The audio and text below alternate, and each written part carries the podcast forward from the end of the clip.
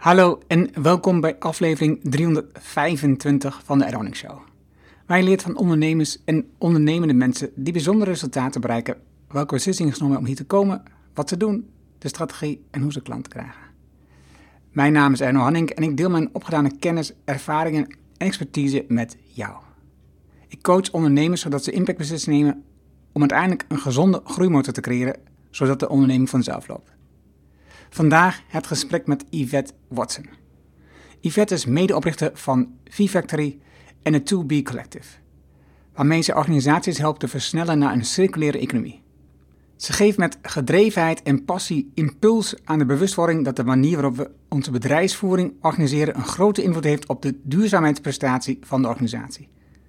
Yvette ondersteunt organisaties bij het realiseren van hun energie-neutrale en circulaire ambities voor hun bedrijfsvoering en het gebouw en ontwikkelt circulaire concepten van diverse marktpartijen. Regelmatig geeft hij inspiratiesessies om organisaties te bekend te maken met de kansen van circulaire economie. Wat een energie en enthousiasme brengt ze mee. De ontwikkelingen die ze doen met organisaties om het bedrijf te verduurzamen en om alle medewerkers te kunnen betrekken, hoe zij kunnen bijdragen hierin. Het is interessant om te leren van Yvette hoe een groot doel ervoor zorgt dat je veel energie krijgt en blijft werken aan dat ene doel. In een paar jaar tijd bouwde ze met haar partner een bedrijf dat nu al 16 consultants heeft en het gaat haar nog te langzaam. Leer van die vet waarom het belangrijk is om diversiteit om je heen te verzamelen en duidelijke doelen te hebben wanneer je meer impact wilt. Laten we beginnen. Welkom in de Erno Hamming Show. De podcast waarin je leert over de beslissingen om te groeien als ondernemer met je bedrijf. Luister naar de persoonlijke verhalen van succesvolle ondernemers en ondernemende mensen. Dan nu, jouw business coach, Erno Hamming. Welkom in de nieuwe podcastaflevering. Dit keer spreek ik met Yvette. Oh, wacht even. Ik moet even wat vragen aan jou voordat ik het verkeerd zeg. Ehm, ik hoorde het en toen dacht ik, hey, zo zou ik het nou uitspreken. Is het V-Factory, is het? Ja, V-Factory. En ik zou um, pie zeggen of iets dergelijks, maar goed. Ja, in het Engels is het phi. V-Factory, het is uh, de guldensnede. Het meest bijzondere getal in de natuur. Oh ja, ja, ja. Welkom in een nieuwe podcastaflevering met Yvette Watson. Dankjewel. Ik ga, ik ga nog een keer... Jezus, wat kan ik doen? Lekker opnieuw.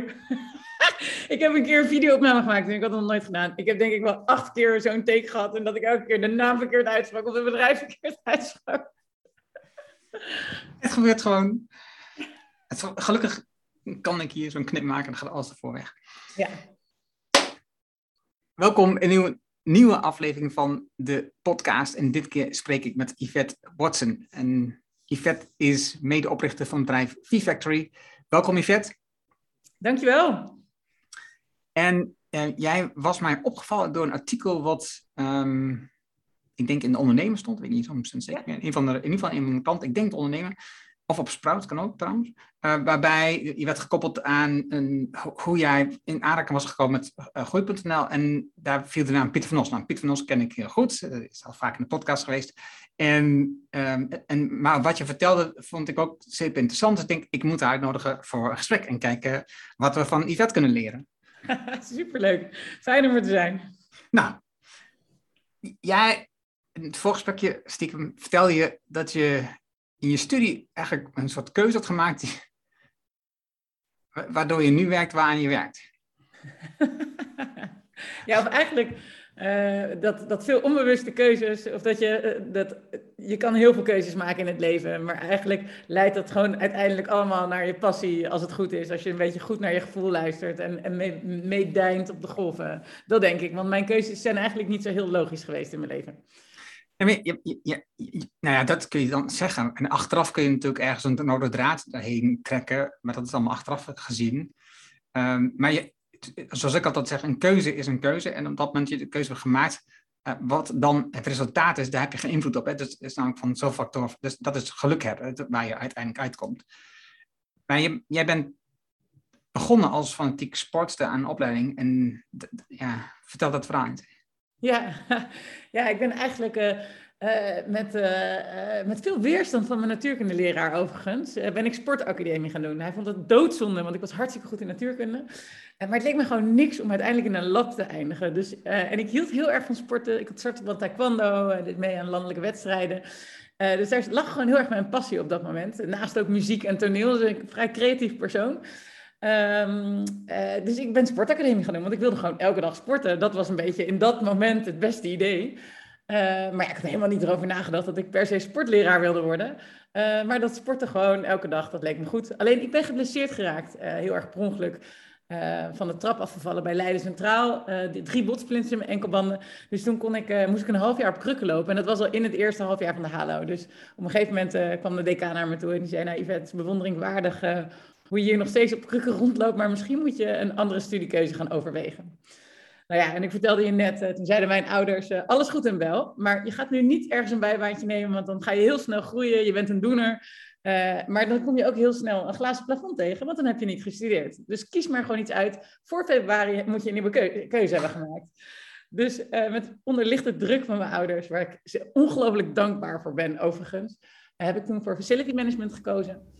Um, waar uh, ik dacht van nou, daar komt uh, het servicegerichtheid van mij. Ik had heel veel in de horeca gewerkt, maar ook het organisatorische vermogen. Toch wel ook de technische kant die ik in me heb, komen er allemaal van toepassing. Um, nog niet wetende dat ik mijn echte passie, ik ben altijd bezig geweest met verduurzaming, vroeger wat meer activistisch, met Greenpeace spandoeken en voor de, voor de dierenbescherming aan de slag. Uh, maar daarna veel meer echt in hoe kan ik nou structureel vormgeven in organisaties uh, over duurzaamheid. Is uiteindelijk is dat heel goed gevallen in het facilitair management, omdat dat het fysieke domein is van de organisatie. Daar komen eigenlijk al je grondstoffen binnen, van je meubilair tot je onderhoud van je gebouw, alle um, catering, schoonmaak, alle producten, alle grondstoffen komen er binnen en die rennen net zo hard weer naar buiten via het afvalcontract. Dus als iemand die knoopjes aan elkaar kan verbinden en een circulaire economie kan realiseren binnen organisaties, dan is het wel uh, FM, is mijn statement. Veel tekst, of niet? Nou nee, dat, dat ook, maar ook sowieso dat, de visie van jou, van facility manager, het is, van, van mij zou ik ook kunnen denken, het is een inkoper die ervoor zorgt dat er heel veel binnenkomt en, uh, en, dat, en dat verdeelt. Alleen, en die maakt waarschijnlijk ook zelfs de contracten met afvalleverancier. Dus, ik, dus ik, ik zou ook zoiets kunnen voorstellen. Maar goed. Ja. Wij doen ook heel veel met, met inkoop en NFM ligt heel dicht bij elkaar. Inkoop die begeleidt vaak het inkoopproces.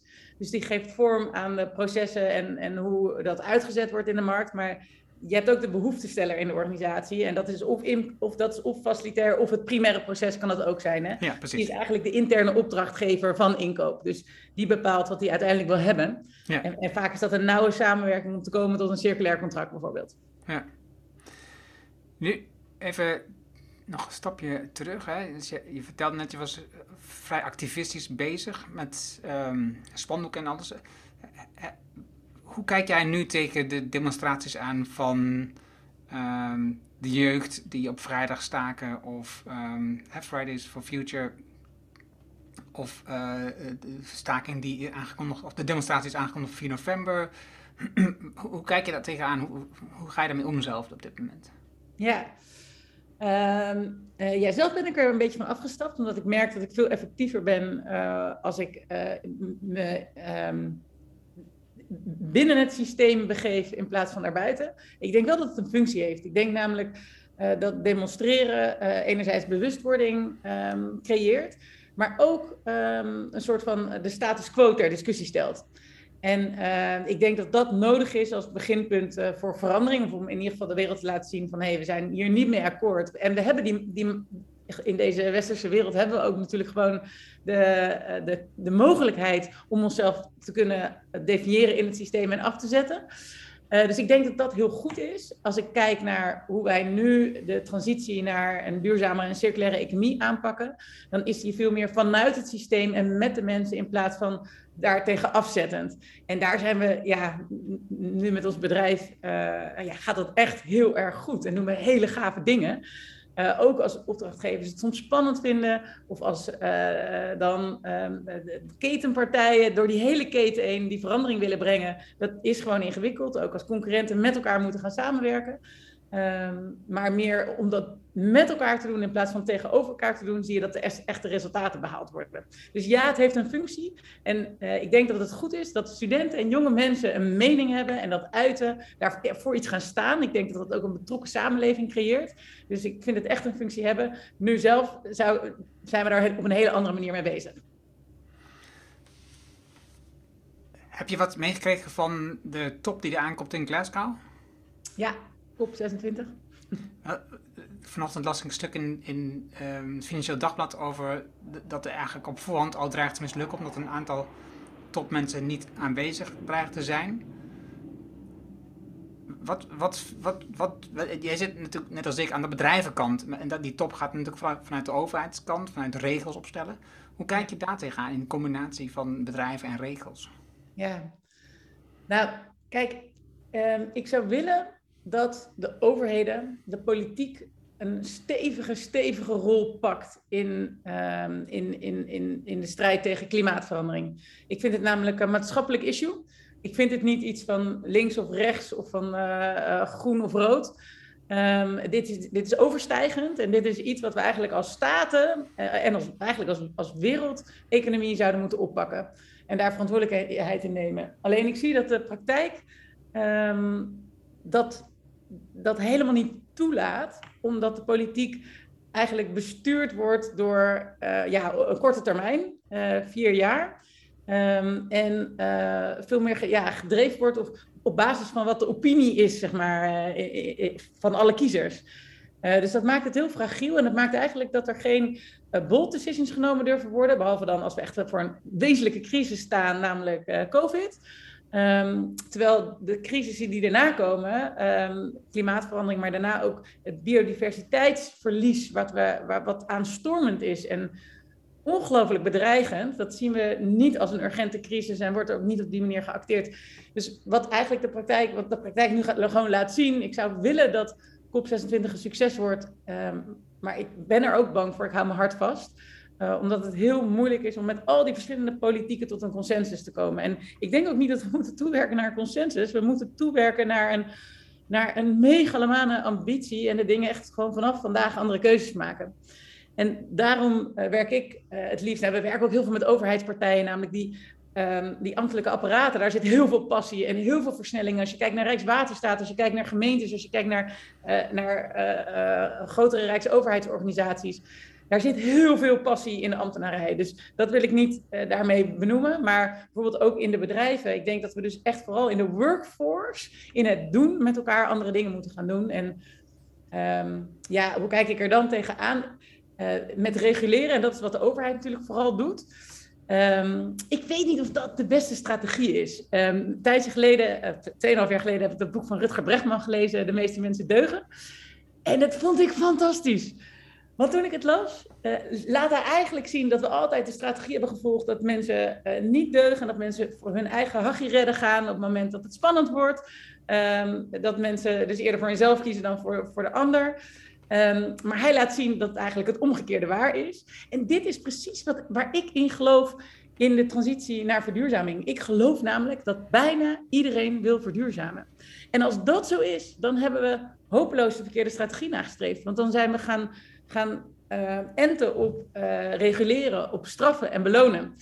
Terwijl als iedereen best wel wil verduurzamen, wat moeten we dan doen? Dan moeten we men misschien gewoon wel in staat stellen inspireren, goed informeren. Want ik denk dat er heel veel kennisgaps zijn en heel veel intransparantie in ketens, waardoor we niet weten welke keuzes we moeten maken. Uh, en omdat we vaak een energietransitie naast een materialentransitie zien en niet goed kunnen duiden uh, wat die ene stip op de horizon is, dat we die keuzes niet meer goed scherp kunnen maken. Dus dan moeten we veel meer mensen in staat stellen de juiste dingen te doen en te leren over hoe je kan transformeren binnen organisaties, in je eigen omgeving, in plaats van te straffen en belonen of te reguleren. Dus daar geloof ik in. Ik, ik vind hem ingewikkeld, nog steeds. Mm -hmm. um, ik, ik, zie dat er ligt natuurlijk veel kracht bij mensen in bedrijven. Hè, dus bedrijven aan zich, maar ook de medewerkers, wat jij net schetst. En ik denk tegelijkertijd dat je er niet aan, onderdoor, aan onderuit komt dat je. Um, omdat, omdat ook heel veel corporates gewoon niet veranderen. Die, die, uiteindelijk, ik had net een, het even over het verschil tussen het Anglo-Amerikaanse en het, Rijnlandse. En het Anglo-Amerikaanse model blijft gewoon nog steeds dat het vooral gaat over winst maken.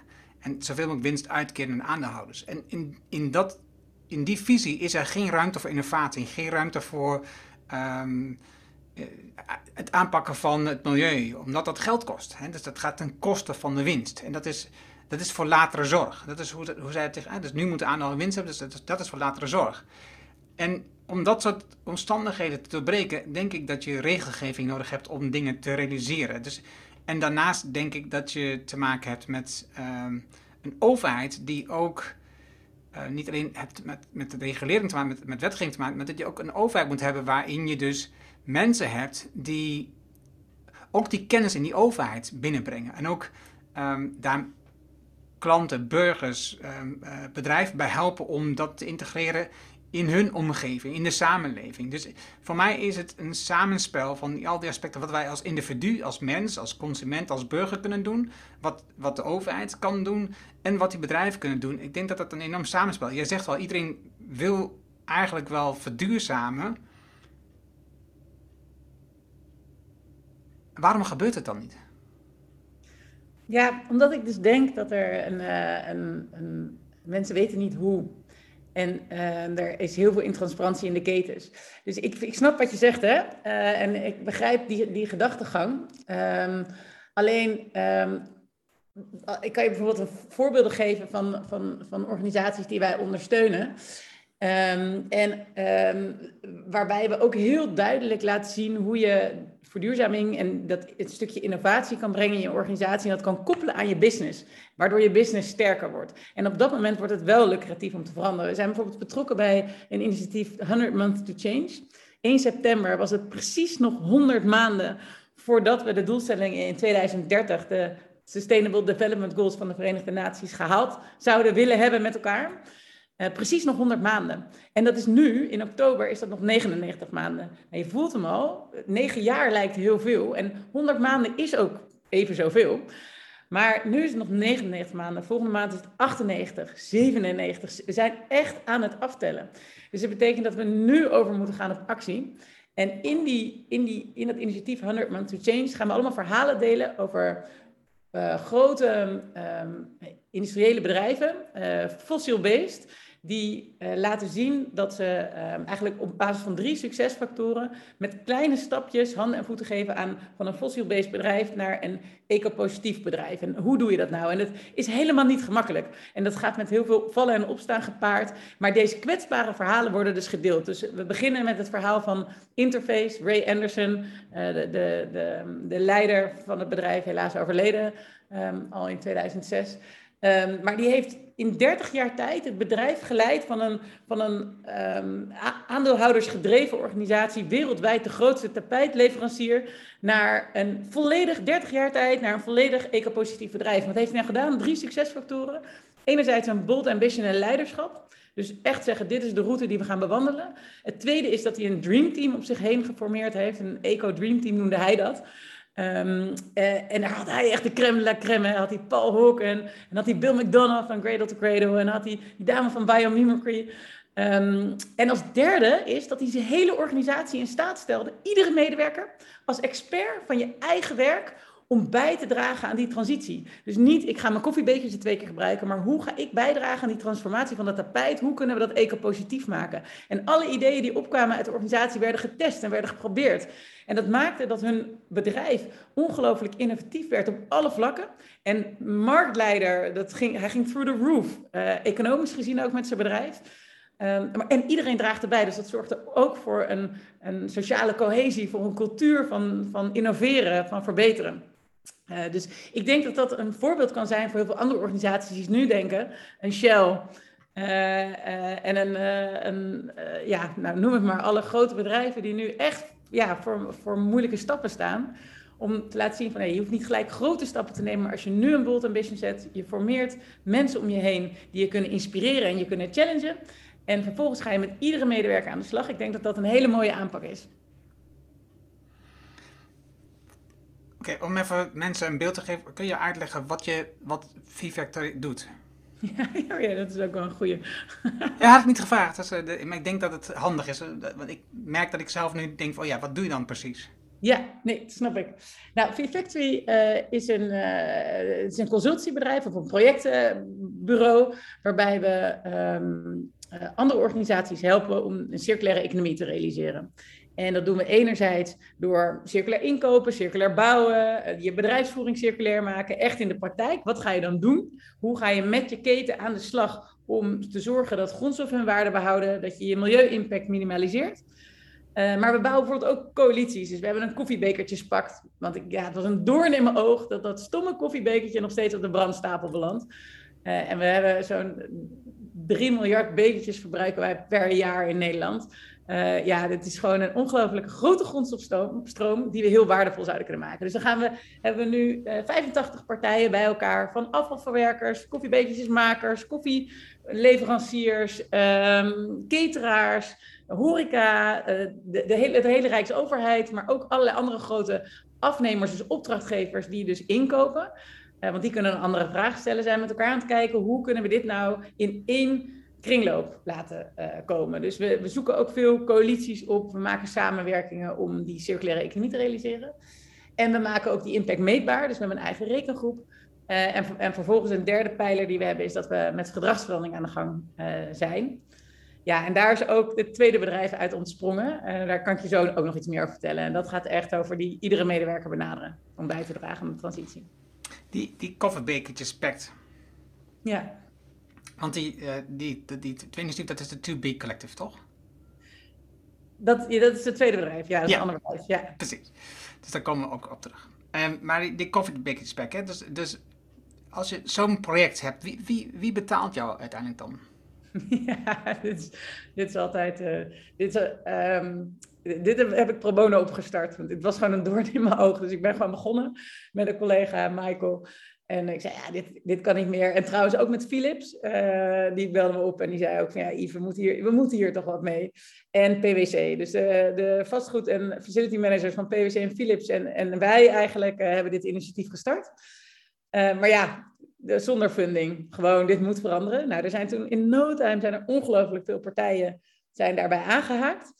Uh, omdat ze ook allemaal uh, snappen dat er iets moet veranderen, maar dat niemand in die keten zelf een stap kan zetten. Want die, die keten zit ook gewoon een beetje vast. De afvalverwerker zegt, ja, er zijn 356 afvalbekertjes met verschillende grondstofstromen. Wij, wij, weten niet welke grondstofstroom er in een afvalbekertje zit of in een koffiebeetje zit. Dus wij kunnen dat niet op een hoogwaardige manier verwerken. Um, ja, en, en alle verpakkingsbedrijven, die, die, die, hoe zeg ik, die differentiëren zich nu op dit moment op die grondstofstromen. Dus de ene heeft het meest bio-based bekertje, de ander heeft papier met PE, de ander heeft papier met PLA, de ander die heeft, nou, ga zo maar door. Er zijn echt serieus meer dan 200 soorten die allemaal zichzelf duurzaam noemen. Dus waar we eigenlijk naartoe moeten, is dat je je niet meer differentieert op duurzaamheid. Er, moet gewoon, uh, er kunnen drie soorten bekertjes komen. Het ene is gewoon de ouderwetse mok die afgewassen wordt. En daar zouden we wel graag een soort van voorschrift aan maken. Doe dat dan niet elke keer met warm water en zeep, want dan, kom je, dan heb je een grotere milieulast aan je broek hangen. Uh, maar goed, daar, kun je, daar, kunnen we met elkaar een heel goed uh, proces voor maken.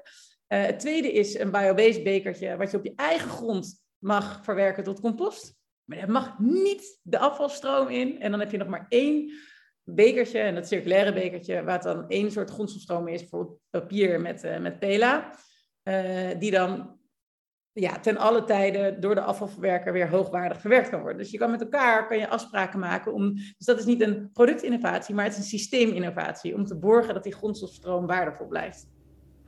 Okay, twee vragen. De eerste is simpel te beantwoorden. Wat is PLA? Dat is de coating die nodig is dat de water niet in één seconde door je papieren bekertje heen lekt. Dus dat klinkt als plastic. Het is een bioplastic, die dus uh, heel goed met die cellulosevezel van papier te verwerken is tot weer hoogwaardig papier. Oké, okay. en daarom kan die, eh, want dat biobased wat je als tweede noemt, dat je het kunt afbreken op je eigen terrein, daarom kan die ook gewoon afgebroken worden. Dat is nee, dit, dit, dit vaak worden voor de biodegradable bekertjes uh, rietsuiker gebruikt of uh, net weer iets anders, ja. Oké. Okay. En nu ben ik natuurlijk ondertussen mijn tweede vraag kwijt. Oh ja, nu heb je dus, sorry. Nu heb je dus, um, uh, eigenlijk dus voor de markt heb je twee bekers over. Uh, die koffie, die mokken, die tel niet mee, want al die andere, we hebben het over die koffiebekers die nu weggegooid, dus dat zijn eigenlijk twee bekers die je over hebt. Um, hou je straks drie bedrijven over en houdt het op. Nou, nee, want ik denk wel dat je jezelf kan, kan differentiëren. Dus we hebben, we hebben ook echt met de partijen zijn we in gesprek van waar, waar, waar ga je dan jezelf op laten zien en op onderscheiden, zeg maar, van, van de markt. En uh, ja, waar ik heel erg fan van ben, is dat we met bedrijven gaan kijken naar businessmodellen. En daarom vind ik het ook zo belangrijk dat je uh, dat je, je um, verduurzaming en um, je ecologische visie uh, echt hangt aan je, aan je businessmodel. Omdat je dan, nou ja, dan wordt het en lucratief. Maar je kan je bijvoorbeeld gaan differentiëren op de services die je verleent rondom dat, dat koffiebekertje. Um, te zorgen dat die verwerking goed gaat. Of misschien wat track and trace. Of zorgen dat mensen dat bekertje meerdere keren gebruiken. Dus de dienstverlening die hangt om een bekertje. nu gaat alles over zo snel mogelijk grondstofstromen door onze economie pompen. Dat is waar we rijk van worden. Maar ons economische systeem moet eigenlijk niet gekoppeld zijn aan grondstofstromen. Maar aan de hoeveelheid toegevoegde waarde die er geleverd wordt. Ofwel arbeid zit hem dat veel meer in. Uh, dus als we die koppeling veranderen in ons denken, uh, dan kunnen we, hebben we nog veel meer vlakken waar we op ons kunnen differentiëren. Onderscheiden. Dat is mooi. Want ik denk, ja, dat is ook wel altijd de visie die ik heb gehad. Het gaat over de toegevoegde waarde die je levert en niet over de grondstof die komt. Ja. Dat scheelt natuurlijk al enorm als je denkt vanuit het circuleren denken, want dan is er geen, uiteindelijk is er geen grondstof meer. Ja, nou, in ieder geval, ja, het is, nu blijkt gewoon dat het niet heel handig is dat er 200 verschillende soorten duurzame koffiebeetjes zijn. Want daar kunnen we precies nog steeds helemaal niets mee. Dus er is niks circulairs aan. Behalve dan de piepkleine grondstofstroompjes die gecreëerd worden. Maar dat zegt Kate Raybert altijd zo ongelooflijk prachtig. Een Engelse econoom die de donut-economie uh, heeft uh, ja, neergezet. En um, dit zegt ze ook, ja, we bezitten allemaal meer dan 10.000 producten. Als wij onze spijkerbroeken uh, naar alle uh, verschillende leveranciers terug gaan sturen. Dus naar Mudgeons en naar G-Star en naar Levi's.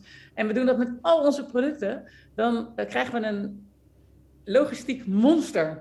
dat is niet te doen. Dus wat we moeten doen is, moeten werken in een ecosysteem van grondstoffen. Waarbij de ene afvalproduct van het ene bedrijf weer een grondstof is voor het volgende bedrijf. Zoals bijvoorbeeld Blue City werkt in Rotterdam. Echt een hub van allemaal maakindustrie, van allemaal ondernemers die van elkaars grondstofstromen gebruik maken. Of afvalstroom weer een grondstofstroom wordt. Um, en dat is kleine schaal natuurlijk, maar dit is het, wel het denken waar we naartoe moeten. Dus het is wel serieus bewonderingswaardig wat, wat Mudjeans doet hoor. Ik vind het echt het super innovatief en dit jaagt de markt weer aan. Maar het is een transitiemodel en uiteindelijk moeten we weer een stap verder maken dat het een, een netwerk van grondstofstromen wordt. Het is het is bewonderenswaardig uh, om naar je te luisteren over de energie die je hebt om dit, om dit, om dit te doen, om dit aan te pakken. Om dit, dit, dit, voelt, dit voelt ook uh, als een bron van energie als ik met jou praat. Dus dat is hartstikke mooi. En tegelijkertijd denk ik, we hebben nog maar zo kort om dit, om dit te organiseren. En het gaat zo langzaam. Ja, ja. Wat verwacht jij hoe je dit zou kunnen versnellen? Ja, nou, met, dit, uh, met deze uh, klomp in onze maag lopen wij natuurlijk al een tijdje rond. We doen prachtige dingen. We hebben inmiddels hebben we 16 consultants in dienst en echt een mooi bedrijf. En we hebben 61 opdrachten op dit moment lopen met allemaal super stoere opdrachtgevers die durven en die echt stappen maken. Um, dus er, er, gebeurt heel veel. En tegelijkertijd, precies wat je zegt, het gaat echt veel te langzaam. Want het zijn allemaal incidentele projecten. Het is nog geen algemeen goed. En we, zijn, we doen het niet altijd, zeg maar. Het zijn allemaal vaak nog additionele projecten.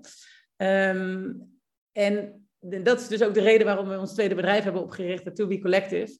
Um, omdat we dachten, hoe kunnen we nou die snelheid maken? Nou, en dan in de gedachte dat we eigenlijk geloven dat iedereen best wel wil verduurzamen, maar gewoon nog handen en voeten moet krijgen over hoe dan en waar naartoe dan. En wat vraag je dan precies van me?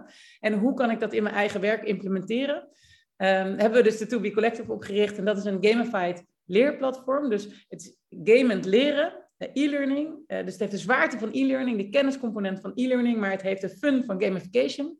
Dus je wint prijzen, je verdient punten. Uh, er gaat een, een, een, een, boompje groeien en bloeien. En er komt een kaboutertje die boomhutten gaat bouwen. Op het moment dat je het goed doet, doe je het niet zo goed, dan vliegen de vogeltjes weg. Dan vallen de blaadjes uit en dan wordt die kabouter knijterboos. Ehm, dus met al die fun erin, uh, een platform waar hele grote groepen mensen met elkaar aan de slag kunnen. Tegelijkertijd over wat, wat, wat is nou de stip aan de horizon? Wat zijn de doelstellingen van mijn organisatie? En hoe kan ik daar vanuit mijn functie aan bijdragen aan die transitie? En wat ga ik dan doen? Dus het is niet alleen maar leren. Er zitten ook allemaal challenges, drie challenges per week. En dan ga je ook echt de dingen doen die je net geleerd hebt. Dus met een leverancier in gesprek. Um, uitrekenen welke impactverbeteringen je kan maken in, je, in jouw job. In, dus wat jij doet. Uh, dus krijg je echt handvaten over wat, weet je, wie zijn de experts op dit gebied. Ga daar eens iets over lezen. Dus je gaat echt dingen doen. En dan uh, heb je elke week zit je in een soort van sociaal platform. Uh, waarin je mensen duimen en pluimen kunt geven over de ideeën die ze, die ze opperen. Maar waarin ook hulpvragen kan stellen. Van, ik ga nu met dit aan de slag. Wie weet er iets vanaf? Wie weet iets over biodiversiteit? Of, um, dus echt met elkaar in contact die, die transitie maken. En we hebben bijvoorbeeld net hebben we, uh, duizend man Vattenval uh, zes weken lang live gehad op dit platform. Ja, dat was te gek. We hadden een participatiegraad van 95%. Want ja, niemand vindt het leuker dan prijzen te winnen. En als Pietje niet meedoet uit jouw team, dan scoort het hele team lager. Dus iedereen gaat Pietje zitten porren. Joh, Pietje, doe mee, want anders krijgen we geen teamtaart. Ja, het, is gewoon, het gewoon lachen. Dat, het jutte de hele boel op. En zeker in deze tijd van corona is het natuurlijk ook een mooie manier om te verbinden, terwijl iedereen toch, toch thuis zit. Um, maar ja, duizend man bij elkaar brengen, tegelijkertijd laten leren, dezelfde taal spreken, maar ook gezamenlijk, zodat, we, zodat je elkaar kan helpen. Um, ik, wij hopen heel erg dat dit een middel is om iedereen te activeren. En niet alleen maar die ja-knikkers die we, die, we, die we nu in al die gave projecten hebben. En begrijp me niet verkeerd, dat zijn de koplopers. Die hebben we nodig om te laten zien dat het kan. En om te inspireren. Maar vervolgens hebben we die, ook die 80% nodig die wel wil, maar gewoon nog niet zo goed weet hoe, waar het nog niet onderdeel is van de dag van vandaag. En die bereik je niet zo snel. Maar als een hele organisatie zegt, ik ga dit met al mijn medewerkers doen, dan bereik je iedereen. En dan gebeurt er, dan gebeuren er fantastische dingen. Dan wordt het magisch. En dan zien we dus ook mensen in één keer in dat platform naar boven komen en in één keer enorm uh, actief zijn, waarvan dat nooit verwacht werd van tevoren. Dus je ziet ook je ambassadeurs naar voren komen. Je ziet waar de learning gap zit in je organisatie. Nou ja, ga zo maar door. Oké, nu heb je dus twee bedrijven. V-Factory en To Be Collective. 2 biljoen. Ja. Hoe verdeel jij nou je tijd? ja, nou, ik heb dus twee keer 40 uur per week. ja, daar, zijn ze thuis, daar zijn ze thuis ook mee eens. Dat jij twee keer 40 in de week hebt aan, aan twee verschillende bedrijven. ik ben gescheiden. maar je bent niet alleen. Nee, ik ben niet alleen. Ik heb een hele mooie zoon. Waar ik ook, uh, wat mijn allerbelangrijkste uh, is in mijn hele leven. Dus um, ja, daar maak ik heel bewust tijd voor. Um, uh, en tegelijkertijd weet hij ook dat hij een moeder met een missie heeft. dus is hij ook super zelfstandig. En ja, vind ik dat bewonderingswaardig mooi. Maar nee, ik maak heel erg tijd voor hem. Ik heb ook niet zoveel slaap nodig. Dus ik slaap zo'n vijf uur per nacht. Dat is een hele. Nou, dus dit, zijn, dit zijn niet goede tips of zo. Dit is gewoon hoe, ja, ik zeg niet. Dit is hoe jij het doet. Ja. ja. maar mijn compagnon doet het veel beter. Zoals je misschien al een beetje merkt, ik ben uh, de, de, de, de, gele typologie in, in ons, bij ons tweetjes in ons gezelschap. Uh, ik ben creatief, uh, analytisch, maar ook chaotisch. Ook heel enthousiast. En zij is echt ongelooflijk doelmatig. Ik heb nog nooit zo'n blauw persoon gezien. Echt ongelooflijk. Heel gestructureerd. En die weten ze eigenlijk al die dingen die ik bedenk heel snel naar de praktijk uh, te brengen. Dan stelt ze me tien moeilijke vragen. En dan de volgende dag uh, ligt er een plan van aanpak klaar voor onze collega's. En dan wordt het uitgevoerd. Dus het is, ja, dit is uh, magisch werken zo. Dus jouw advies is om een partner te kiezen, te zoeken? Nou, complementariteit, diversiteit in je team geloof ik echt heel erg in, ja. En we hebben ook in het bedrijf echt de filosofie... en het komt misschien een beetje voort uit dat ik zelf zo dyslectisch ben als het achtereind van een zieke genoeg... Um, dus ik, ja, en ik heb altijd mijn hele jeugd moeten focussen op het beter worden met mijn dyslexie. Dus dan probeer je van een 4 probeer je een 5 te maken. En dat is heel vermoeiend, dat is niet leuk. En dan heb je ook niet het gevoel dat je bijster slim bent. Het is helemaal niet motiverend om op die manier je leven door te gaan. En toen ik merkte waar mijn kwaliteit staat en me daarop ging focussen. En dan ga je van 8 tot 10 maken. Ah, dat is vet, jongen. Dan ga je floreren, dan word je blij. En ik geloof heel erg dat iedereen dat moet doen. Dus in het bedrijf proberen we ook in, binnen onze collega's uh, echt te, mensen ook te motiveren van wat zijn nou jouw talenten, waar word je blij van en hoe kunnen we dat nou verder uitbouwen. En we moeten gewoon andere mensen erbij zoeken als we gaten hebben, weet je. Als niemand het leuk vindt om, om, om te rekenen aan milieu-impact, dus we vinden dat wel belangrijk. Dus dan moeten we iemand zoeken die dat onwijs leuk vindt. Nou, we hebben ons heerlijke Excel-analisten die dit echt fantastisch vinden ja, zo moet je die complementariteit bij elkaar zoeken. En dan krijg je een, denk ik, een heel creatieve en kundige organisatie. Een daadkrachtige organisatie. Want als ik op jullie teampagina kijk, dan is, dan is het nog wel beperkt in diversiteit. ja. ja, klopt. Ik denk dat het uiterlijk daar nog wel in vertekent. Maar ja, wat Erno probeert te zeggen, dames en heren, is dat wij nogal veel vrouwen in dienst hebben. en witte vrouwen. Witte vrouwen, inderdaad. Um, nou is dat niet helemaal waar. We hebben uh, ook wel een, beetje cultuurdiversiteit uh, in ons team. En we hebben inmiddels hebben we vier mannen. We hebben ook echt een sterke focus om meer die balans in het team te brengen. Um, dus wij kampen daar waar andere organisaties meer vrouwen aan de top hebben wij een omgekeerde. Ik heb er niets op tegen voor duidelijkheid, maar, maar, maar ja. grappig wat je vertelt, zo, diversiteit, staan voor. Dan kijk ik, zit ik aan je team en denk, hé, hey, het is. Ja. Maar dus ik ben me ook bewust hoe moeilijk het is om die diversiteit te creëren. Je moet jezelf daar ook echt op uitdagen. Want hoe makkelijk is het om een kopie van jezelf aan te nemen? Dit is echt het allermakkelijkste wat er is. Maar het is zeker niet het allerslimste. Dus jezelf daar continu op uitdagen, dat, ja, dat was, is ook voor ons een uitdaging. Maar dat, dat zijn we wel heel hard uh, aan de weg gaan timmeren. Nee, en dat geloof ik. Ik heb net het boek van Sophie van Gogh gelezen. En morgen heb ik een gesprek met haar voor de podcast. Waarom vrouwen minder verdienen. En, en eigenlijk wat jij beschrijft, dat is precies wat daar natuurlijk naar voren komt. Dus dat, dat, het, dat wat er veel gebeurt, is dat mensen kopieën van zichzelf aannemen. Omdat het zo prettig voelt, zo bekend, uh, ja. weinig problemen geeft. Ja, dus uiteindelijk natuurlijk wel, maar in het begin zal niet. En dit is ook iets waar Pieter ons ook heel erg op uitgedaagd heeft. Dus we hebben ook nu echt een andere sollicitatieprocedure. We zitten twee keer twee uur met iemand, uh, waarin we ook echt uh, doorzagen op de normen en waarden. Uh, en op um, ontwikkeling en op dus niet alleen maar op functioneel, maar ook wat, is, wat definieert ons bedrijf, zeg maar, wie zijn wij en wat past daarbij, zodat je ook e-, e-, echt die, ja, um, nog veel bewuster dat aannamebeleid hebt. Mm -hmm. En die diversiteit borgt. In mijn voorbereiding, en ik zal, over, ik zal een linkje toevoegen, want je hebt net um, vorige week een pitch video geplaatst op YouTube voor TEDx. Oh ja, we zijn niet door. dat maakt niet uit. Oké.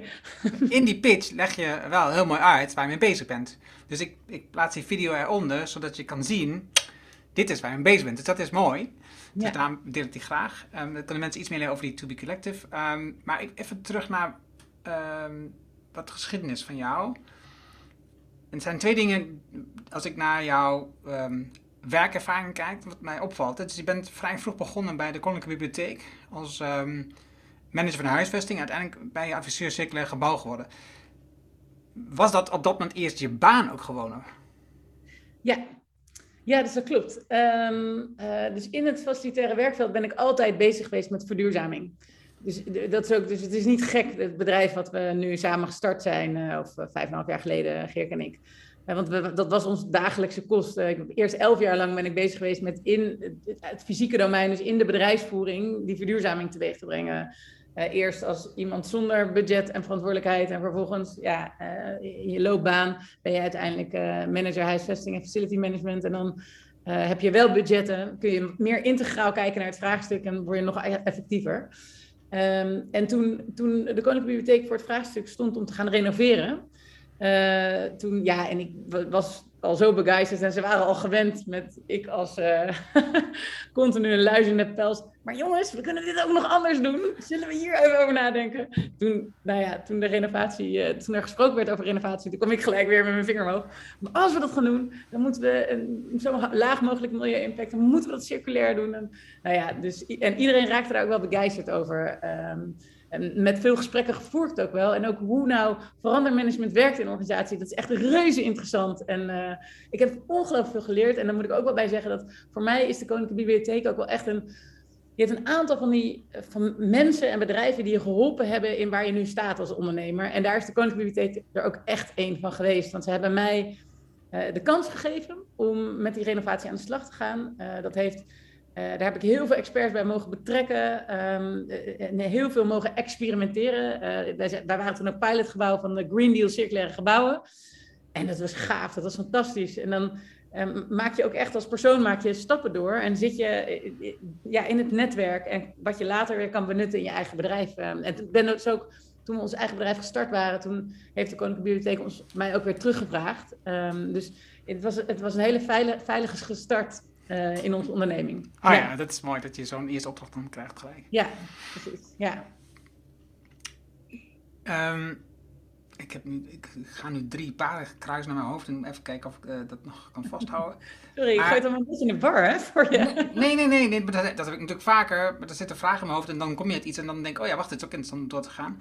Maar als ik naar jou, want we hadden het even over twee bedrijven, maar daarnaast heb je ook nog allerlei um, andere functies, bestuursfuncties. Um, en bij betrokken dus bij meerdere initiatieven om duurzaamheid en circulair, um, circulair bouwen zeg maar, naar voren te trekken. Hoe belangrijk, want je had net over ehm, dat dus de Koninklijke Bibliotheek belangrijk was in jou, voor waar je nu staat. Hoe belangrijk zijn dat soort functies voor jou? Ja, ja ook heel erg belangrijk. Uh, mijn compagnon verklaart me soms voor gek. zeg ik, uh, mag ik dit ook gaan doen? Want we overleggen het altijd wel even. En dan zegt nou, Yves, je weet wat ik ga zeggen. Ik ga je nooit tegenhouden, want je, je, je gaat hier heel goed op. maar weet je het zeker, want je hebt het al erg druk. Uh, maar dat klopt. Ik, het is, uh, ik vind het heel erg belangrijk omdat dat vaak, uh, zoals de Dutch Green Building Council of het Gideon, de Gideon's Tribe, dat zijn initiatieven waarbij de kop van de markt, de in, de, echt waar de innovatie gebeurt, um, die komt bij elkaar. En die zegt: Oké, nu is het klaar. Het moet anders en wij gaan dit met elkaar doen. En enerzijds is dat een beetje het verenigingsgevoel van we gaan het met elkaar regelen, we gaan het met elkaar cheffen. En daar, daar, dat vind ik heerlijk. Ik hou daarvan. Uh, en anderzijds denk ik dat daar ook de innovatiekracht zit, die je vervolgens weer verder kan brengen naar de organisaties die wij helpen. Dus veel ontwikkeling gebeurt ook in dat vrijwilligerswerk, in het. Um, ja, in, in dat soort functies, bestuursfuncties, waarbij, waar echt die, ja, eh, ook mijn voorzitterschap voor de stichting uh, eh, EWF Lab, daar, daar, zit, daar zit ook echt die innovatie. Hoe kunnen we nou onze gebouwen op een natuurlijke manier ventileren? Door dat bouwkundig op te lossen in plaats van mechanisch. Daar kunnen we 50% van onze oorspronkelijke energiebehoeften van een gebouw mee reduceren. Mee reduceren. Dus dan hoef je die PV niet erop te plaatsen. Dat betekent heel veel minder uh, waardevolle materialen en ook uh, toxische materialen. Uh, dus dat heeft allemaal, uh, het zijn echt slimme oplossingen, zeg maar. nou, dus dat wil ik dan heel graag verder brengen en dan word ik overgepassioneerd en dan ben ik weer ergens bestuurslid ik herken dat ook, maar ik, ik, merk bij mezelf dan wel dat, dat op een bepaald moment toch weer dingetjes van de tafel vallen, omdat je, eh, omdat je nou helemaal niet alles tegelijk hebt. Maar daar heb jij geen last van. Ja, natuurlijk. Het is, het is uh, laveren. En ik probeer het goed aan te geven. Uh, soms heb je wat meer tijd voor het een en soms wat meer tijd voor het ander. Um, en ja, ik heb mezelf denk ik ook aangeleerd om heel effectief te werken. En um, eh, en ik krijg heel veel hulp ook van collega's en uh, dat helpt ook. Ik ben niet meer in mijn eentje natuurlijk, hè. We zijn nee, nee, dat zijn heel fantastisch ja, dat je ook zo opgegroeid bent. Het is echt, echt schitterend. Ja. In zo'n korte tijd. En um, ja, oké. Als je kijkt naar het werk wat je doet voor die bedrijven. En, en je schetst al, iedereen, iedereen zou eigenlijk willen verduurzamen. Dat, dat, zit, dat zit volgens jou in de mensen, onderhand wat zijn, wat zijn volgens jou, en je hebt net een mooi voorbeeld gegeven, maar ik wil eigenlijk nog een paar meer horen. Wat zijn voor jou mooie dingen die je als bedrijf kunt doen om die kant op te gaan waar jij voor staat, het circuleren ondernemen?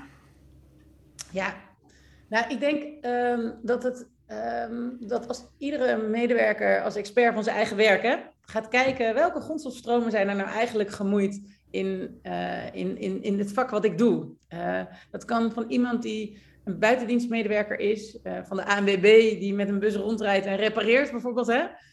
Um, kan het al zijn van hey, de bewustwording van ik, ik, ik, ik laat eigenlijk mijn bus met materiaal 100% vol. En ik rij heel veel heen en weer met heel veel materiaal die ik eigenlijk maar één keer per jaar gebruik. Nou, als je daar eens een analyse op loslaat en je kan met een veel kleinere wagen of dan nou ja, met veel minder benzineverbruik want als je je wagen minder vol laat, dan heb je minder benzineverbruik. Uh, door daar slim naar te gaan kijken en de dingen her te overwegen, kun je je eigen werk innoveren, zeg maar. Of als je wordt uitgedaagd om te kijken naar, hey, wie zijn nou eigenlijk, wat, wat gebeurt er nou eigenlijk in mijn werkveldje als buitendienstmedewerker, of als inkoper, of als, nou maar echt iedere functie, hè? Uh, wat gebeurt er eigenlijk op het gebied van duurzaamheid en waar kan ik me laten inspireren? Of wie is er expert in mijn vak en ga ik daar eens mee praten? Of hoe doen andere organisaties in, in, mijn, in mijn werkveld, zeg maar? Hè?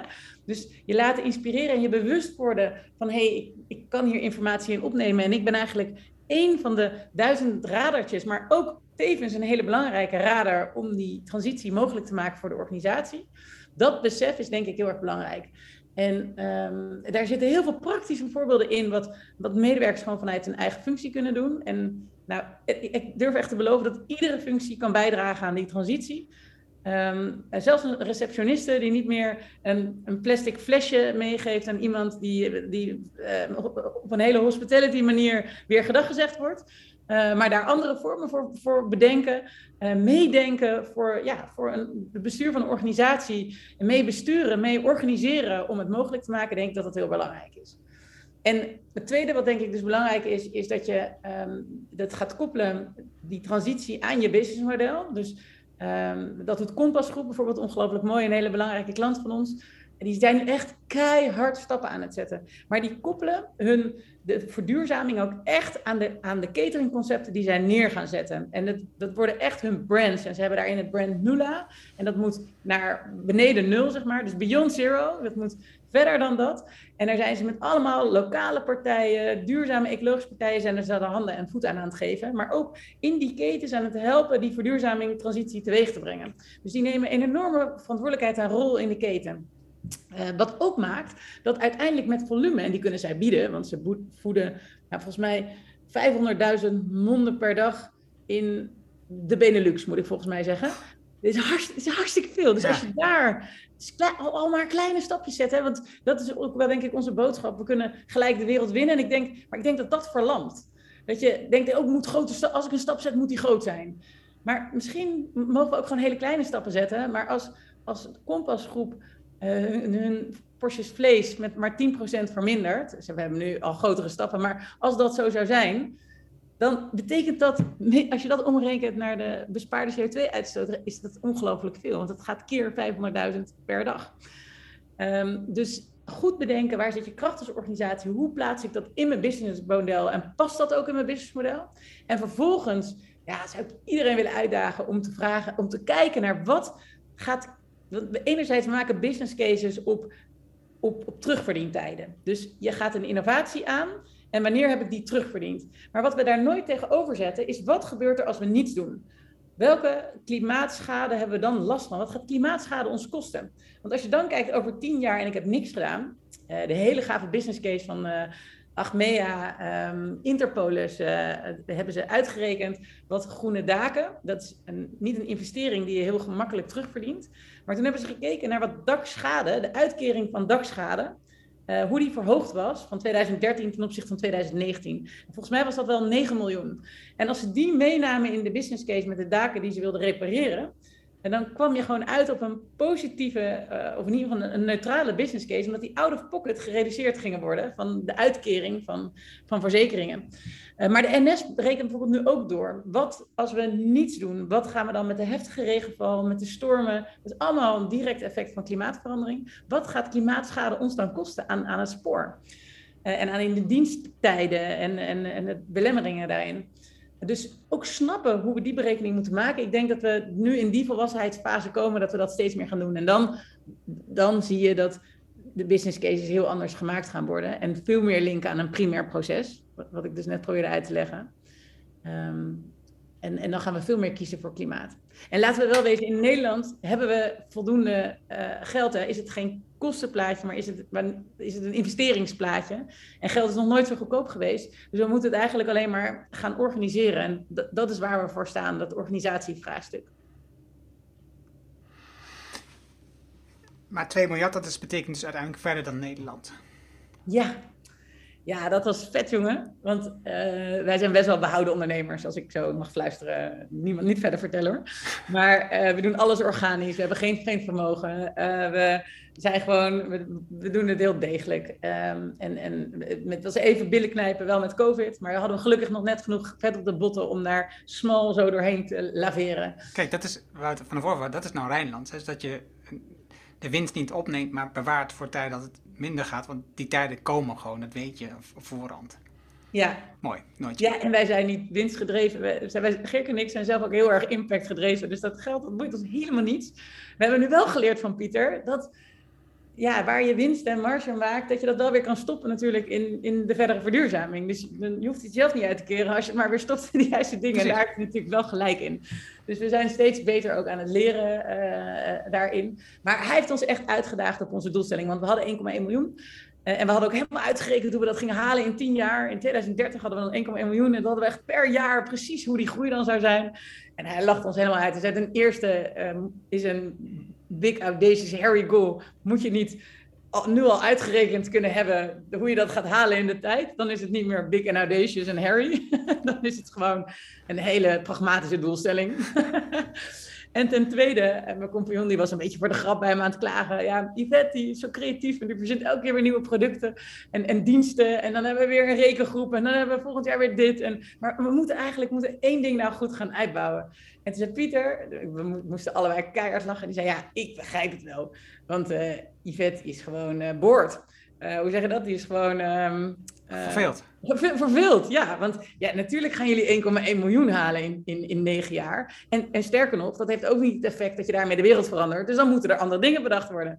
En zei hij, wat denken jullie nou als ik zeg 2 miljard? Ziek, wozers, 2 miljard? Uh, hoeveel mensen leven er op aarde? Daar had ik zelfs geen clue van. 7,5 miljard. Oh, 7 miljard. Dus dat is, dat is een kwart van de wereldbevolking. Hoeveel mensen hebben eigenlijk internettoegang? Want dat heb je nodig met onze tool. En dat is maar een derde op dit moment. Daar schrok ik ook van, overigens. Uh, dus oké, kwart van de wereldbevolking. Maar als we, als we dat voor elkaar krijgen en iedereen wordt geactiveerd, echt geactiveerd om bij te dragen vanuit hun eigen leefgemeenschap en vanuit hun eigen werk, om die transitie mogelijk te maken, ja, dat is vet. Dan krijgen we wel wat voor elkaar. En we, hebben nu, we zien al in organisaties wat er gebeurt. Weet je, die duizend man vattenval, er gebeurt daar echt iets.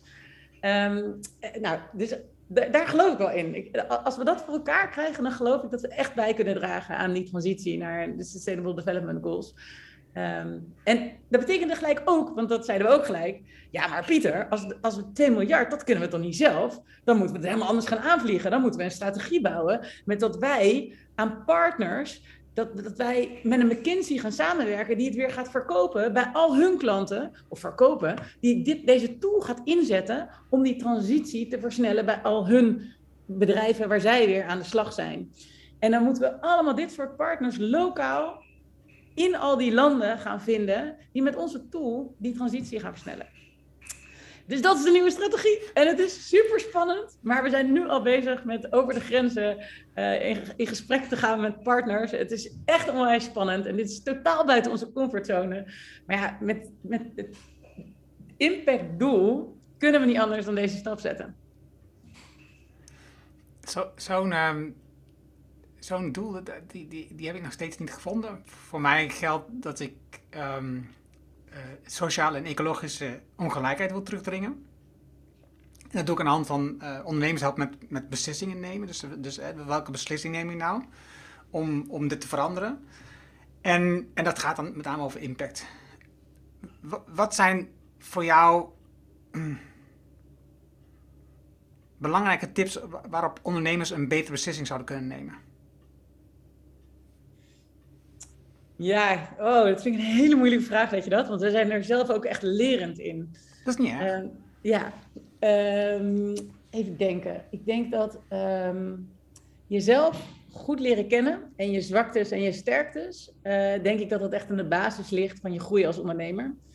Um, doordat Geerk en ik onszelf en elkaar echt de, de ruimte geven en elkaar meenemen daarin om, om zelf te ontwikkelen en te leren. Ik denk dat dat ook ons dat we ook daardoor mee kunnen groeien, ook met, als ondernemer met ons bedrijf. Anders denk ik dat je zelf je eigen plafond bent. Um, wij zijn, maken zelf veel beslissingen op basis van uh, onderbuikgevoel. Dat klinkt heel stom, maar ik geloof heel erg in alignment. En ik geloof heel erg in dat je eigenlijk soms ook een beetje diepere weten. Dat je de dingen echt wel weet. En op het moment dat je een dissonant voelt, dat je daar eigenlijk gewoon heel goed naar moet luisteren. Um, daar liggen wij nog steeds op. We maken nog steeds uh, zo nu en dan uh, een beslissing waar we van denken, oeh, die hadden we eigenlijk al gevoel, gevoeld. Hebben we niet genoeg naar geluisterd. Of uitgeplozen. En dan kom je dan van een koude kermis thuis, want dat gebeurt altijd op het moment dat je dat voelt. En je luistert daar niet naar, je krijgt in je oren. Uh, dus dat is, ja, het, het, klinkt wazig misschien, maar dat is bij ons toch wel een grote factor. En daar hebben we het wel over hoor. En we staven dat dan ook en we pluizen dat gevoel ook wel uit. Maar ja, het begint wel met een, een onderbuikgevoel. Uh, en waar wij denk ik ook wel gewoon goed in zijn, is dat we veel zaken ook meetbaar maken. Dus um, in onze um, ondersteuning naar organisaties toe, wij maken nu die impact ook helemaal meetbaar. En ook de, de levenscyclusanalyse van zo'n product en, en grondstofstromen, dat zit daar ook allemaal in, in, in, ja, in, zeg maar. Dus Um, en het platform, uh, de, de To Be Collective, ja, daar gaat ook ongelooflijk veel data in om. En daarvan kunnen we heel erg leren. Dus steeds beter ook objectief daarin keuzes kunnen maken en snappen welke kant je op moet. Daar is ook gewoon heel veel data voor nodig. En van die data moet je weer informatie maken om erop te, te kunnen sturen. En, maar dat is denk ik ook wel een belangrijke factor. Dat, dat, die, die, die tool, dat, dat, dat, dat middel, dat product, um, die, dat, dat spel heb je dat zelf ontwikkeld of heb je dat extern ontwikkeld? Hoe, hoe organiseer je dat? Ja, um, in, den beginnen uh, hebben we, uh, waren we op zoek naar een tool en zijn we een partij tegengekomen die, dat, um, die dat had. En dat, dat is nu onze huidige tool, of tenminste, dat, nu is een hele andere tool, maar daar is dat wel op gebaseerd. En um, we gingen toen eerst samenwerken en de twee eigenaren die wilden ermee stoppen, dus die hebben toen te koop aangeboden aan ons. Nou, daar hebben we ongeveer drie minuten over nagedacht. en toen dachten we, ja, dit is wel de volgende stap die we willen maken. Want dit is, weet je, we, hadden het ook zo graag in samenwerking gedaan. Hoor. We hoefden dat niet te bezitten, maar goed, zij stopte ermee. Dus het was of we hadden weer niks, of we dachten, ja, we gaan dit dan gewoon zelf doen. Um, omdat we hier echt in geloven. Nou, daar hebben we toen voor gekozen. Inmiddels zijn we twee versies verder. En uh, gaan we over twee weken krijgen we de release van onze nieuwste versie. Dat wordt echt helemaal vet. En die gaat ook die grote schaal aankunnen. Dus we hebben met BitFactory, dat is een bedrijf uit Rotterdam, een IT-bedrijf, hebben extern hebben die ontwikkeling gemaakt. Um, dus die tool weer volledig van scratch opgebouwd met alle nieuwe features die we erin wilden, met de leercurves die je hebt. En ook zorgen dat je ja, die grote hoeveelheid data aan kan, die grote groepen. Uh, en ook dat je CMS dat allemaal aan kan, want we gaan nu allemaal white labels natuurlijk. Ja, uh, iedereen krijgt zijn eigen white label om dat weer bij hun klanten te gaan doen. Dus dat kan dat nu allemaal aan. Um, en ja, Bitfactory is een IT-bedrijf van, ik geloof nu op dit moment 60 uh, IT-consultants of IT-makers um, echt. Ja, professionals weet ik het, ja. Zoiets, ja. ja zoiets. Um, ontwikkelaars en zo. Ja. En die, uh, die hebben dus nu helemaal die tool met ons ontwikkeld. Uh, samen met onze eigen product owners, want die hebben we wel zelf in dienst. En die gaan ons ook helpen om in de, de komende periode hierna uh, langzaam de IT-organisatie van extern naar in-huis te halen, zeg maar. Zodat we straks onze eigen IT-organisatie daarin okay. hebben. Oh ja, dat is een interessante stap. Ja. Nu um, heb je dus een tool, nou dat is niet goed, ik, want ik heb het niet over uh, To Be Collective, maar ik heb het even over de, de, de, re, de rekenmodule waarmee je dus de dingen uitrekent hoeveel dat oplevert en waarbij je al die aspecten meeneemt. Wat natuurlijk enorm belangrijk is, dus als je uh, nu kijkt, een willekeurig product, dan uh, praten we over een kostprijs van iets. Hè. Dus, en dat zijn de grondstoffen. Ja. Terwijl als je alles meeneemt, dan weet je dat het, dat het gewoon niet klopt. Hè. Dus je kan, je kan gewoon niet een t-shirt van 2 euro, uh, dat, dat bestaat gewoon niet. Weet je. Ja, om, om, maar het bestaat ook echt niet, dames en heren. Het bestaat niet, gewoon. Nee. het is, maar als je alle kosten meeneemt, dan wordt het veel inzichtelijker. Ja, dus jullie hebben zo'n rekenmethode, een tool daarvoor. Is, is, kan je dat ook white label? Ga je dat ook weggeven? Of, ja, of verkopen? Nou, daar zeg je iets. Ja, de, uh, Geerke wil dat heel graag. Want nu uh, zijn er nog consultants die daar echt data-analyse en uh, dat ophalen uit de organisatie gaat best wel wat werk in zitten. Maar we zouden dat veel makkelijker en toegankelijk kunnen maken voor de, voor de wereld. Op het moment dat we dat ook web-based kunnen aanbieden. Um, dus ja, dat zit absoluut in de pijplijn. Dat wordt weer een volgende stap. En dan kan het ook weer heel, heel makkelijk gekoppeld worden aan het To Be Collective. Dus dat, ja, dat is een hele grote wens van ons. Uh, op dit moment is dat nog niet zo. En um, kijk, er, er, is heel veel, er zijn heel veel normgetallen en data is er beschikbaar als het gaat over de levenscyclusanalyses van heel veel productgroepen. Het zijn, het zijn echt talloze databases. Je hebt ook een, bijvoorbeeld een nationale, de Nederlandse uh, milieudatabase en... Um, Nederlandse milieudatabase, NMD. Ja, precies. en die uh, heeft bijvoorbeeld voor de bouw, heeft hij alle um, schaduwprijzen, zeg maar, dus de levenscyclusanalyse, de CO2-uitstoot van materialen in gebouwen, allemaal in kaart. Dus daar, daar kun je gemakkelijk mee rekenen. Uh, zo heb je, hebben wij dat ook allemaal verzameld voor catering, voor schoonmaak, voor IT, voor, nou ga ze maar door, eigenlijk alle grondstofstromen door een organisatie. Um, dus het is niet per se uniek, het is alleen heel veel werk om al die gegevens bij elkaar te halen. Precies. En we hebben een uh, promovendus aan boord, of een gepromoveerd iemand, een dokter aan boord, die hierop gespecialiseerd is en die ons helpt met uh, aparte LCA's maken daar waar dat nodig is. Um, LCA. Ja, levenscyclusanalyse. Ja, ja, heel goed. Ja. Um, dus nu is het, uh, het is ook geen exacte wetenschap. Hè? Um, dus je kan met uh, 30 cijfers achter de komma kun je iets heel exact wel proberen te, uit te rekenen. Maar de methode die je hanteert bepaalt ook wat dan de absolute getal, de uitkomst die je krijgt. En waar het ons veel meer om gaat, is de, de, de delta die je kan maken. Dus ik heb een bepaalde strategie. Ik ga mijn, um, mijn catering lokaal inkopen, bijvoorbeeld al mijn producten. Seizoensgebonden. Uh, wat doet dat dan met de milieu-impact? Hoe verbetert die? Of ten opzichte van, ik ga mijn meubilair ga ik circulair inkopen. Of ten opzichte van, ik ga ICT, ga ik levensduur verlengen. Dus ga ik in plaats van vier jaar afschrijving, vijf jaar. Wat doet dat dan? Zodat je op basis van dat soort strategieën, datagedreven besluiten kan maken. Uh, dus dat is hoe we dat uh, nu op dit moment uh, in werk stellen. En we zouden dat inderdaad ook, dat je daar aan die knoppen kan draaien. Dat zou allemaal web-based moeten, zodat organisaties ook lekker zelf aan die knoppen kunnen draaien. En die strategieën kunnen doorrekenen. Wel iets zeggen, moet ik opschrijven. en, dat, en, dat, is dus precies wat ik denk. Ik denk twee dingen van, oké, okay, jij zit op mijn onderwerp, besluiten nemen, datagedreven besluiten nemen. Dat is super interessant voor ondernemers. Zeker als je dat standaardiseert, dat iedereen dus dezelfde rekenmethode gebruikt. Dus als je deze rekenmethodes bij de top 5 uh, eh, accountingbureaus in Nederland kunt uh, neerleggen en dat ze dat gaan gebruiken. En, en, ik wilde eigenlijk ook de sprong maken naar uh, dit boek um, van Babette Porcelein, de Happy 2050 scenario. Ja. Want zij heeft natuurlijk ook ontzettend veel dingen uitgerekend. En, en dus dat, dat is wat, wat je ziet gebeuren bij dit soort uh, initiatieven die heel jong zijn en nieuw zijn. Dat iedereen gaat zijn eigen dingen doen. En heel veel tijd erin stoppen om dus tot de ultieme waarheid te komen. Um, terwijl je kan dit ook bundelen en de krachten bundelen en, ervoor zorgen dat juist iedereen van dezelfde werkwijze gebruik maakt, zodat dat niet telkens opnieuw hoeft gedaan te worden.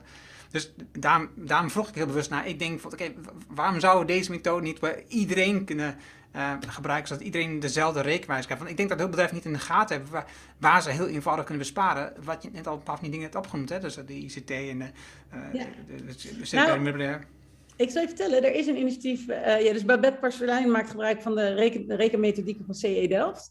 En um, wat je ziet is dat ieder heeft, um, heeft zijn eigen specialiteiten. Wij zitten natuurlijk echt op het facilitaire werkveld en niemand rekent het facilitaire werkveld door. Niemand eh, heeft doorgerekend wat het microvezeldoekje in de schoonmaak nou precies doet aan milieu-impact. Dus je ziet dat het eigenlijk allemaal meer aanvult op elkaar. Hm. En niet per se is dat iedereen nou hetzelfde. Ja, het gebeurt ook wel natuurlijk, want er zit natuurlijk ergens wel zitten er ook overlappen. Maar ik denk ook dat we gewoon ook specialismegebieden hebben.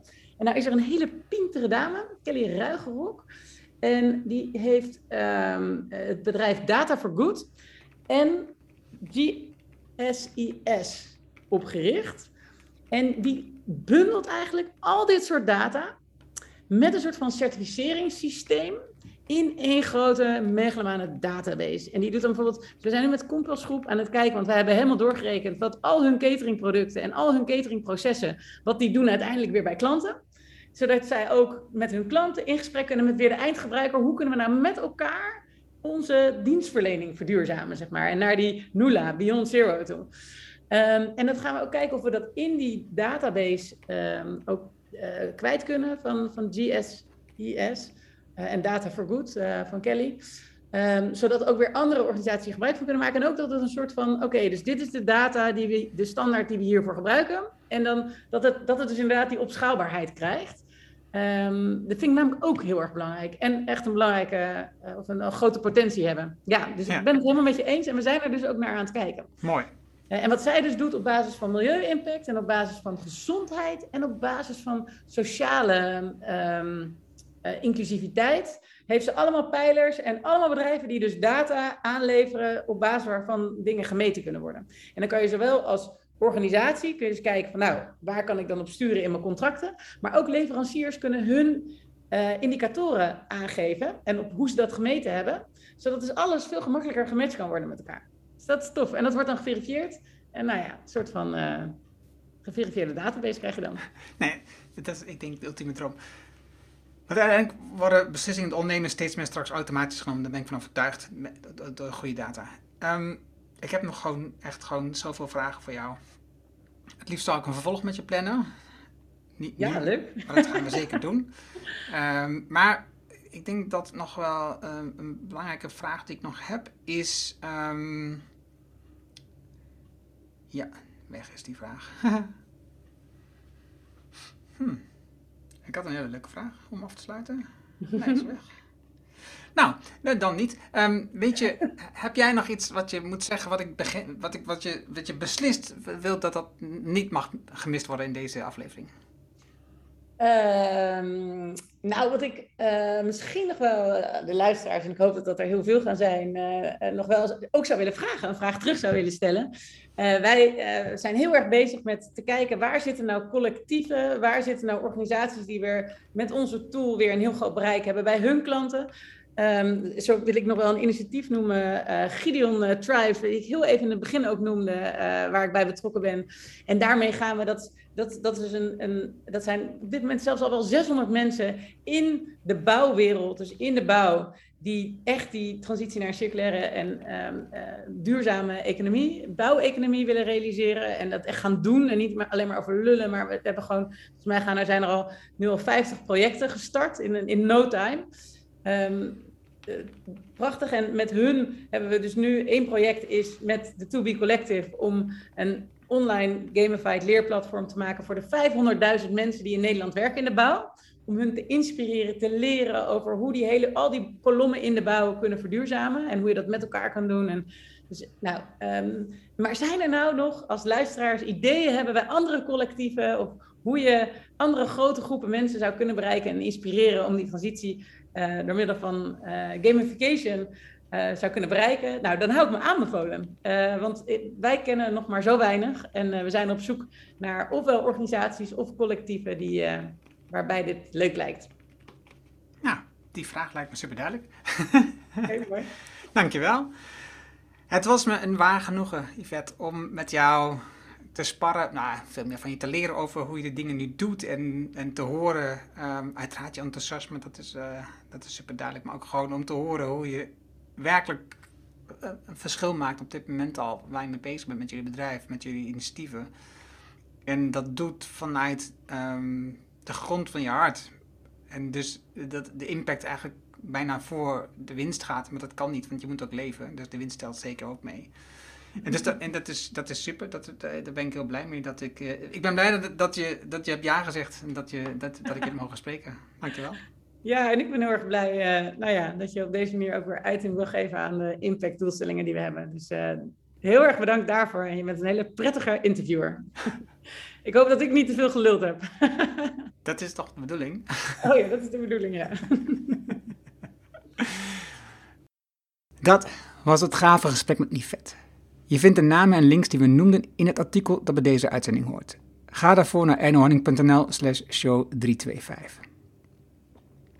Wil je vanzelf automatisch de volgende afleveringen op je telefoon krijgen? Dat kan heel eenvoudig. Heb je een iPhone, dan zit daar standaard de Apple Podcast app op.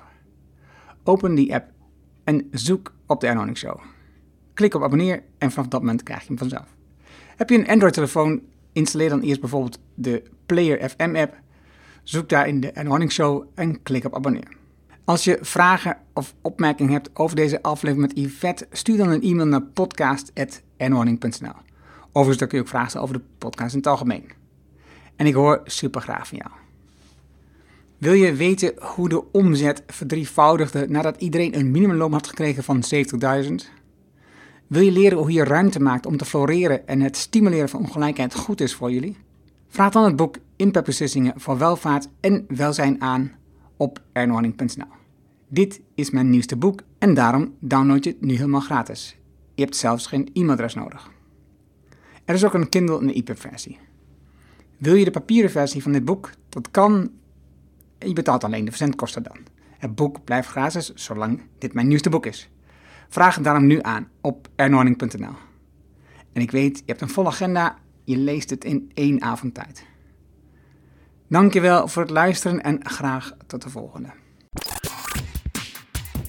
Dankjewel voor het luisteren naar de Erno Hanning Show op ernohanning.nl.